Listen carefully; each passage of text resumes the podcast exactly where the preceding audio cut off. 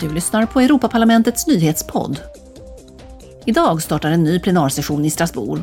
Europaparlamentet ska debattera med kommissionen om hur EU bäst svarar på nödsituationen och de mänskliga behoven efter den katastrofala jordbävningen i Turkiet och Syrien. Europaparlamentets talman Roberta Metsola öppnar sessionen med ett uttalande om jordbävningen som dödat över 20 000 människor. Idag ska ledamöterna även diskutera nya energiåtgärder som ska bakas in i de nationella återhämtningsplanerna. Syftet är att minska beroendet av fossila bränslen från Ryssland, snabba på den gröna omställningen och ta itu med energifattigdomen. EU-länderna måste spara energi, producera ren energi och diversifiera sina energiförråd. Imorgon ska ledamöterna fråga ut EU-kommissionen om utsikterna för EU-anslutning för länderna på västra Balkan.